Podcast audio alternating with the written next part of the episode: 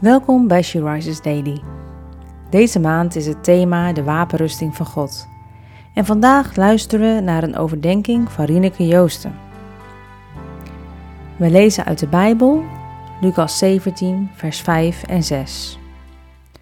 De apostelen zeiden tegen de Heer: Geef ons een groter geloof.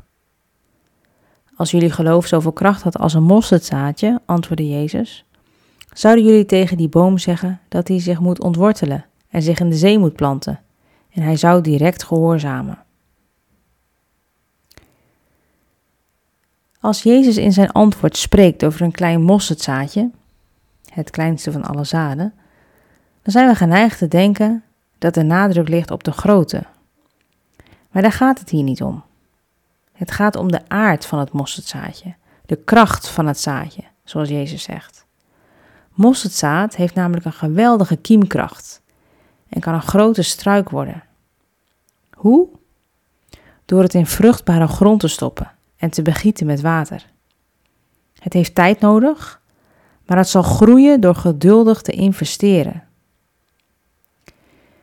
Zo mag jij jouw geloof investeren in Gods hand. En Hij zal het laten groeien en kan er vervolgens geweldige dingen mee doen. Durf jij jouw geloof in Gods hand te leggen? In vertrouwen en volledige afhankelijkheid? Een zaadje kan zichzelf niet laten groeien.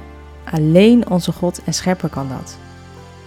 En zo kunnen wij ons geloof ook niet zelf ontwikkelen en laten groeien. Alleen onze Maker kan dat. Leg het in Zijn hand en laat Hem het werk vervolgens doen.